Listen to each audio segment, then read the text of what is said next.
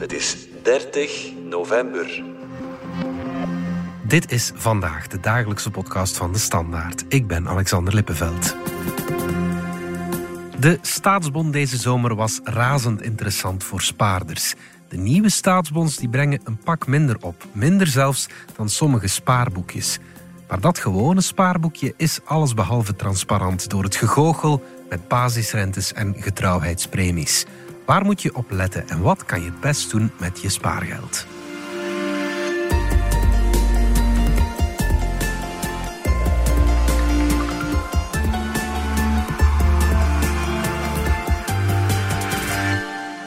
Pascal de Nove van onze economieredactie. De overheid geeft vanaf vandaag opnieuw eh, staatsbonds uit. Vertel eens, wat uh, wordt er aangeboden?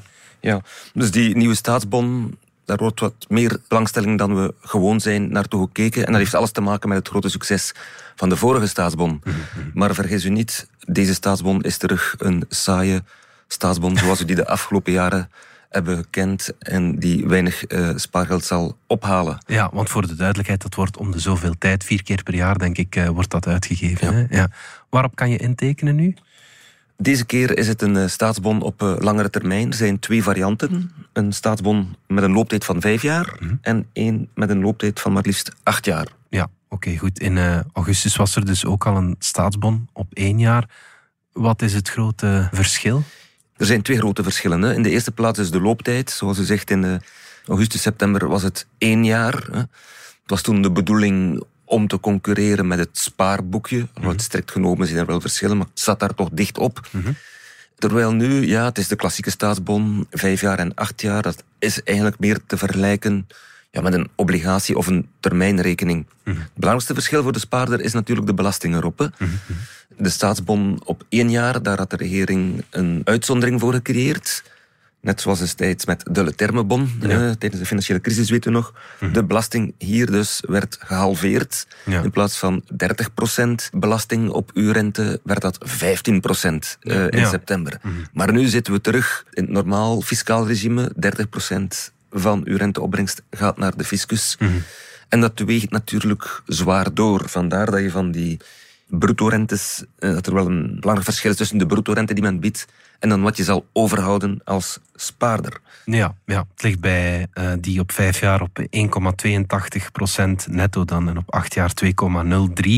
Dus dat is wel een pak lager dan dat rendement op die vorige staatsbon. Hè? Klopt, dat was 2,81 procent. En natuurlijk, veel mensen vragen zich af, tja, waarom nu dan niet opnieuw een, een staatsbon met een lagere roerende voorheffing? Mm -hmm. Maar dat komt omdat de regering toen enkel een fiscale uitzondering had gecreëerd voor staatsbonnen met een looptijd van maximaal één jaar. Ja, ja, ja. En dus die op vijf jaar en acht jaar valt daar niet onder. Moest de regering nu beslissen, ze kan dan nog tot 30 juni volgend jaar, hmm. kan ze in principe nog zo'n fiscaal gunstige staatsbon uitgeven. Dat zou dan weer één op één jaar moeten zijn. Ja.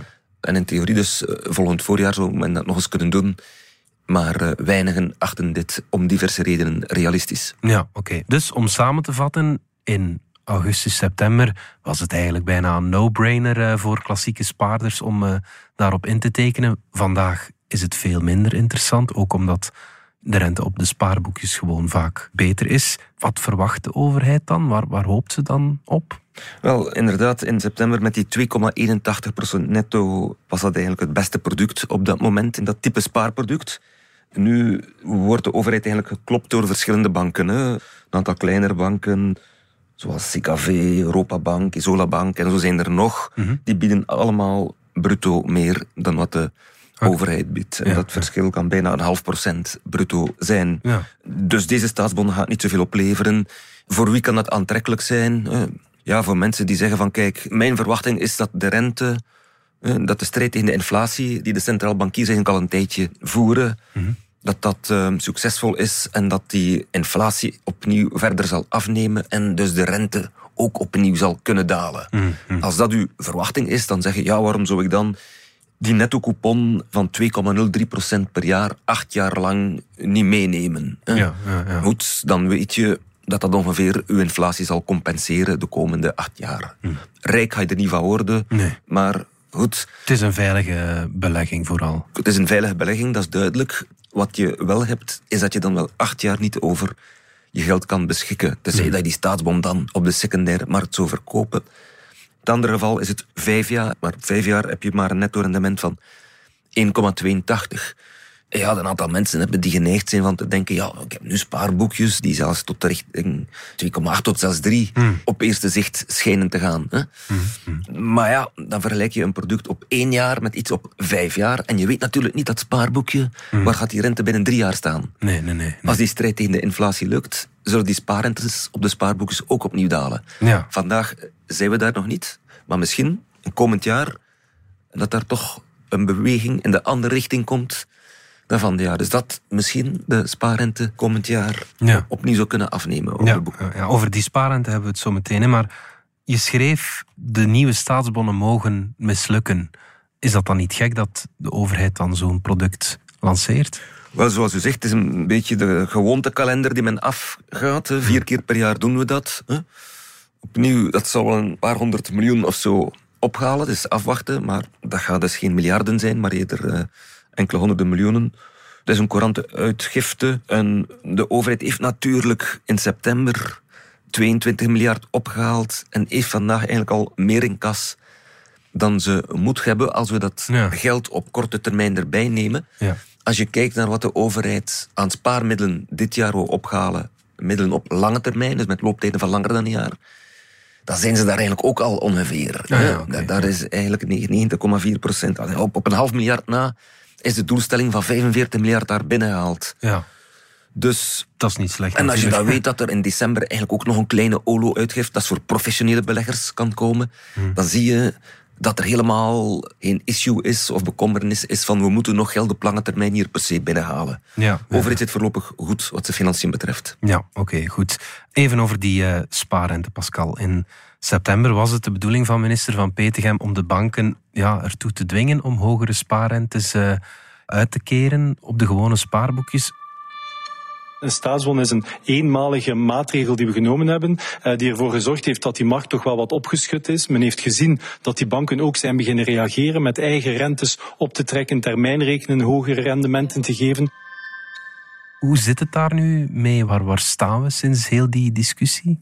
Ja, dus dat deel van het verhaal is denk ik wel gelukt. Hè? Dat wat Van Petegem zei, beweging krijgen in die spaarrente. Maar we hebben dan ook nog wel dat rapport gehad van de Belgische concurrentieautoriteit. Die wees op de complexiteit van die spaarformules. En ik denk dat dat nog wel een issue is. Maar het eerste punt, beweging krijgen in die spaarrente.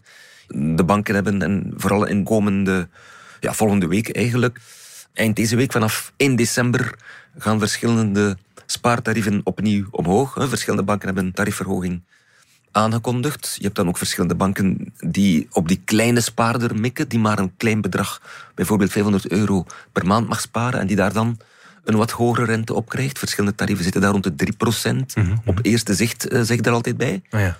Omdat, ja, dan moeten we iets zeggen over de complexiteit van het product. Ja. Waar je eigenlijk weinig spaarboekjes hebt met een recht toe recht aan rente. Ja. Dat je direct weet van zoveel zal ik krijgen. Ja. Vaak is het, dit is een basisrente, dit is een getrouwheidspremie. En je moet aan een aantal voorwaarden voldoen Ja. om daar ten volle te kunnen van genieten. En waardoor dat, ja, de rente die dan aan het eind van dit krijgt eigenlijk lager is dan je dacht van, tja, die drie, ja, ja die ga je dan eigenlijk nooit hebben. Ja. Laten we het ons eens opsplitsen. Hè. Je hebt om te beginnen die basisrente. Wat houdt dat juist in? Basisrente, dat is eigenlijk rente die je krijgt voor het geld dat op het boekje staat vanaf de eerste dag dat het daar staat. En dat wordt uitgekeerd op 1 januari van het volgend jaar. Ja, oké. ja. Dat is de basisrente, dus dat is een eenvoudig mechanisme. Het probleem is er met die getrouwheidspremie. En daar heb je eigenlijk twee issues. In eerste instantie zegt men dat is geld die 12 maanden onaangeroerd staat.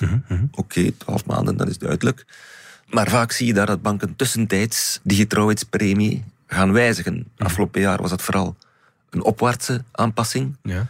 Opnieuw, in de toekomst kan dat een neerwaartse aanpassing zijn. Maar bij die opwaartse aanpassingen zag je dan van ja, maar die hogere tarief dat gaat dan enkel in op het spaargeld die al een rit van 12 maanden heeft gereden. Ja, op die manier. Ja. Als je regelmatig een storting doet op je spaarboekje, er is werkelijk niemand die in België weet van ja, zoveel van mijn geld is vanaf 5 december 23, 12 maanden en zal van die hogere tarief die nu aangekondigd is door een aantal banken Ja. kunnen beginnen genieten. Ja. Dus ja, de spaarder weet eigenlijk niet waar hij aan toe is. Zeg opnieuw, dat is voor spaarders die regelmatig een bedrag op dat spaarboekje zetten. Mhm. Dus dat is complex. Ehm, dan heb je banken die afgelopen jaar het nog wat moeilijker maakten. Ze hadden een bepaald type spaarboekje en dan hadden ze plotseling een nieuwe formule, Mhm. een beter renderende formule, ja, op de markt gebracht. Dan had je mensen van, ja, die dachten, ja, misschien kan mijn geld niet overzetten of ik ben dan mijn bestaande getrouwheidspremie, Ja. die ik aan het opbouwen was, kwijt. Daar zag je dat dan heel veel spaarders niet weten van, ja, dat is eigenlijk niet waar. Ja, ja. Er is een uitzondering op het feit dat zo'n getrouwheidspremie twaalf maanden onaangeroerd moet staan. Mhm. We denken allemaal, ja, twaalf maanden eraf blijven, Mhm. of we zijn die getrouwheidspremie kwijt. En we weten ook dat dat verhoudingsgewijs een belangrijk stuk van de opbrengst kan zijn. Mhm. We weten dat heel veel banken de truc doen van een lage basisrente, dat zeggen ook een half procentje basisrente. Mhm. En dan beloven bijvoorbeeld anderhalf procent getrouwheid. Ja. Dus nou, mijn rendement moet eigenlijk van die getrouwheid komen. Dus ik blijf daaraf. Mhm. Maar het is dus zo, dat de wet geeft er een uitzondering eh, voor zin. Als je bijvoorbeeld bij een bank zat, er waren wel een paar, hè, bijvoorbeeld BNP Paribas Fortis, ook Belfius, eh, allemaal banken die nieuwe spaarboekjes met betere tarieven hadden gelanceerd, dat je het recht had om gewoon dat geld van dat oud boekje naar dat nieuw boekje te plaatsen en toch je getrouwheidspremie in opbouw mee te nemen. Ja, dus je verloor eigenlijk helemaal niks Ja. met je geld te versassen naar dat nieuw boekje. Met een concreet voorbeeldje, stel dat het al acht maanden op dat oud boekje stond en je geeft dat over, dan ging je eh, na een jaar een getrouwheidspremie hebben van twaalf maanden, acht maanden oud boekje, vier Ja. maand Nieuw dat nieuw, boekje, ja. beter renderend boekje. Ja. Dus dat is iets, denk ik, dat veel banken aan hun klanten niet uitleggen. hè. Mm, Er zijn uitzonderingen op de regel die er moeten afblijven. Mm. Dat is allemaal onder de veronderstelling wel dat het geld bij de bank blijft. ja, ja, ja, op die manier. Bij dezelfde bank blijft. Ja, ja, ja. Eh, dus en dat, is ook niet, geloof ik, eh, van spaarboekje naar zichtrekening naar nieuw spaarboekje overschrijft. Je moet het van spaarboekje naar spaarboekje. Zeer goed punt. Ja, Ja, ja, ja. Want eigenlijk hebben we altijd allemaal geleerd, als je geld overschrijft, dan gaat via je zichtrekening. Ja.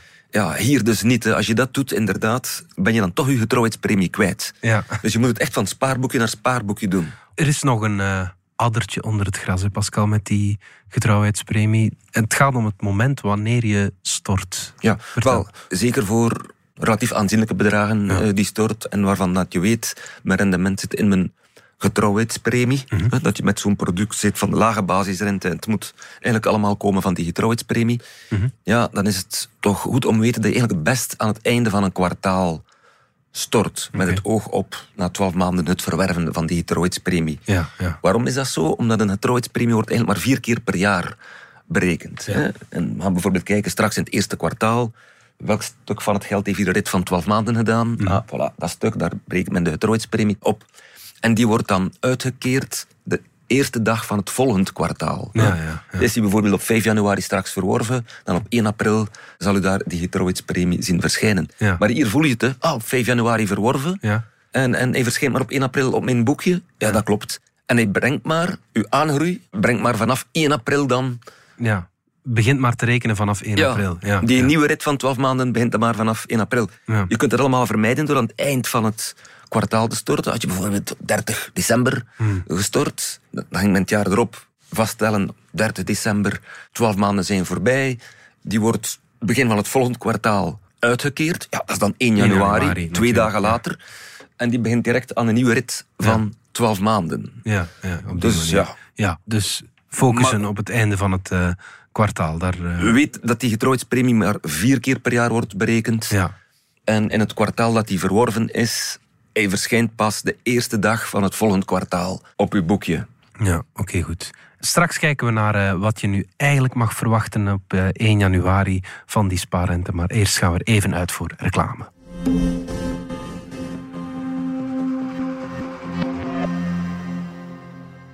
Schatje, zullen wij verder bouwen aan onze Lego Cabrio? Ehm, Wat? hè? zouden we niet beter ineens aan die grotere auto beginnen? Oh, maar wilt je deze niet afmaken dan? Het is omdat hij... We gaan niet toekomen met plaats voor twee. Dat meen je niet. Ja, toch wel? Allee, kom, weg Cabrio. We maken een bus. Sommige gesprekken verdienen een blijvende herinnering. Bouw samen een Lego-set en leg die eerste steen.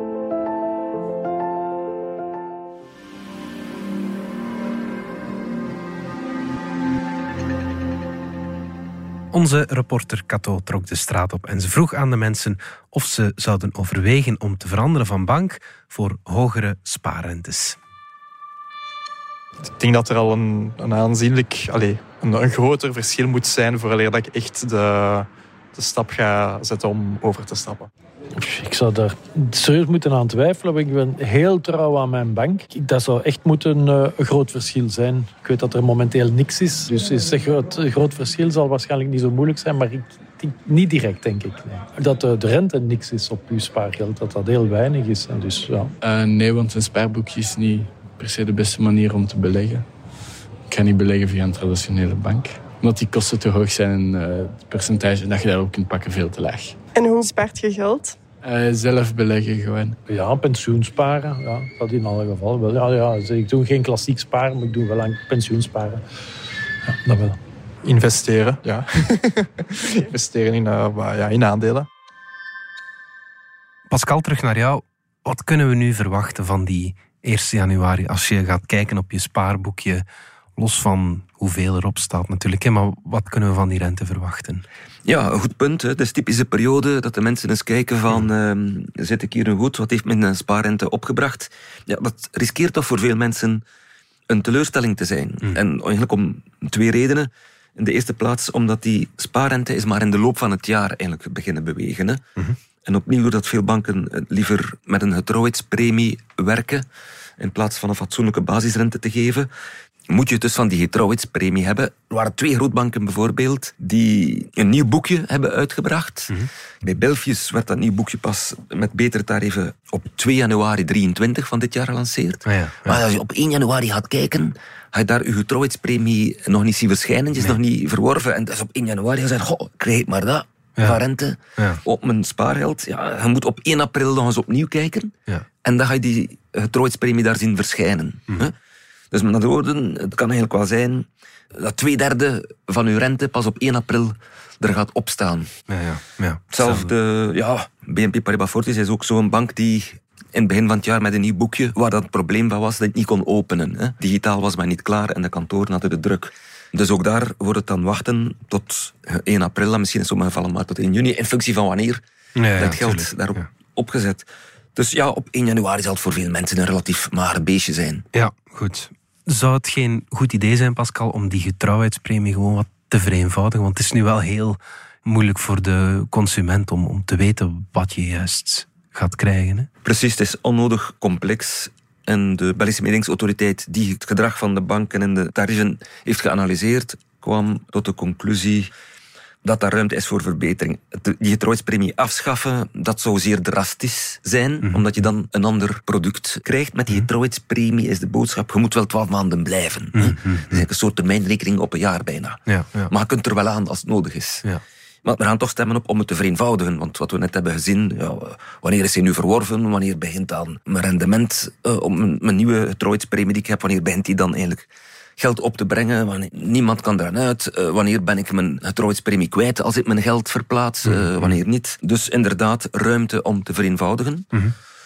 En mensen die vandaag al gehad hebben met die getrouwheidspremie, ja, mijn advies is eigenlijk altijd: neem een spaarboekje met een hoge basisrente. Ja. Waarom? Omdat een basisrente, zoals ze zegt, vanaf de eerste dag, de eerste euro die erop staat, begint dat dan aan die betere tarief geld op te brengen. Ja, ja, ja. En nu, er zijn weinig banken die daar goed scoren. MeDirect, denk ik, is daar de bank die een formule heeft met een hoge basisrente en maar beperkte getrouwheidspremie. En eigenlijk, eh, we moeten hier geen publiciteit maken, maar daar kan je in de app elke dag zien hoeveel spaarrente heb ik al verworven en is mijn getrouwheidspremie al verworven. Dus banken kunnen wel transparanter zijn en het voor de klant eenvoudiger maken als ze willen.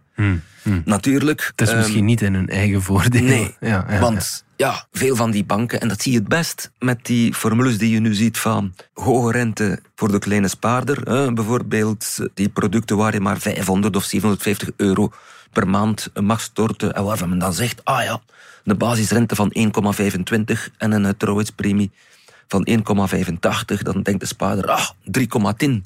Ja, die 3,10 ga je dus nooit hebben. In het eerste jaar ga je zien, je, je stort bijvoorbeeld 750 euro in januari.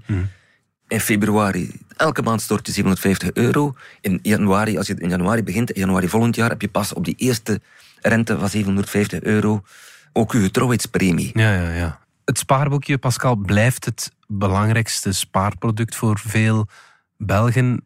Maar is het wel een interessant product? En Moet je het wel zien als een belegging, zeg maar? Ja, het probleem met dat spaarboekje is inderdaad dat omwille van de fiscale vrijstelling, Mhm.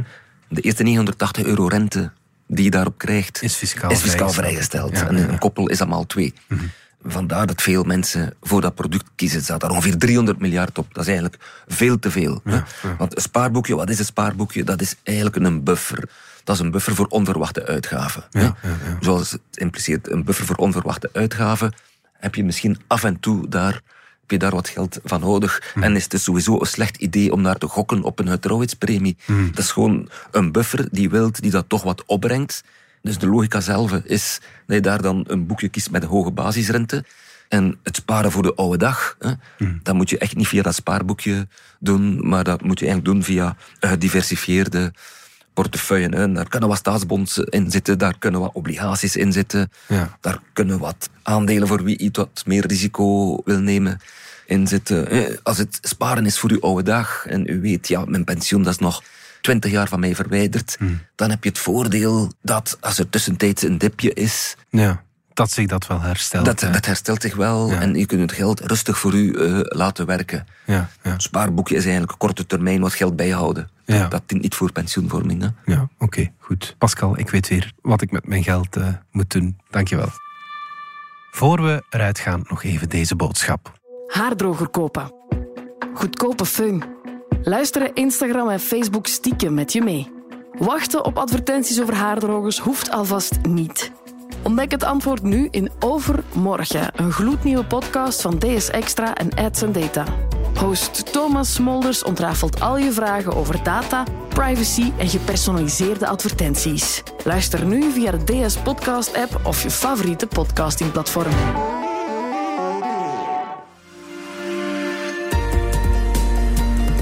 Dit was vandaag de dagelijkse podcast van de Standaard. Bedankt voor het luisteren. Volg ons op Spotify, Apple Podcast of eender welk ander podcastplatform. Of download de vernieuwde app DS Podcast, waar je ons werk en de beste luistertips van onze redactie terugvindt. Alle credits van de podcast die je net hoorde vind je op standaard.be-podcast. Reageren kan via podcast.standaard.be.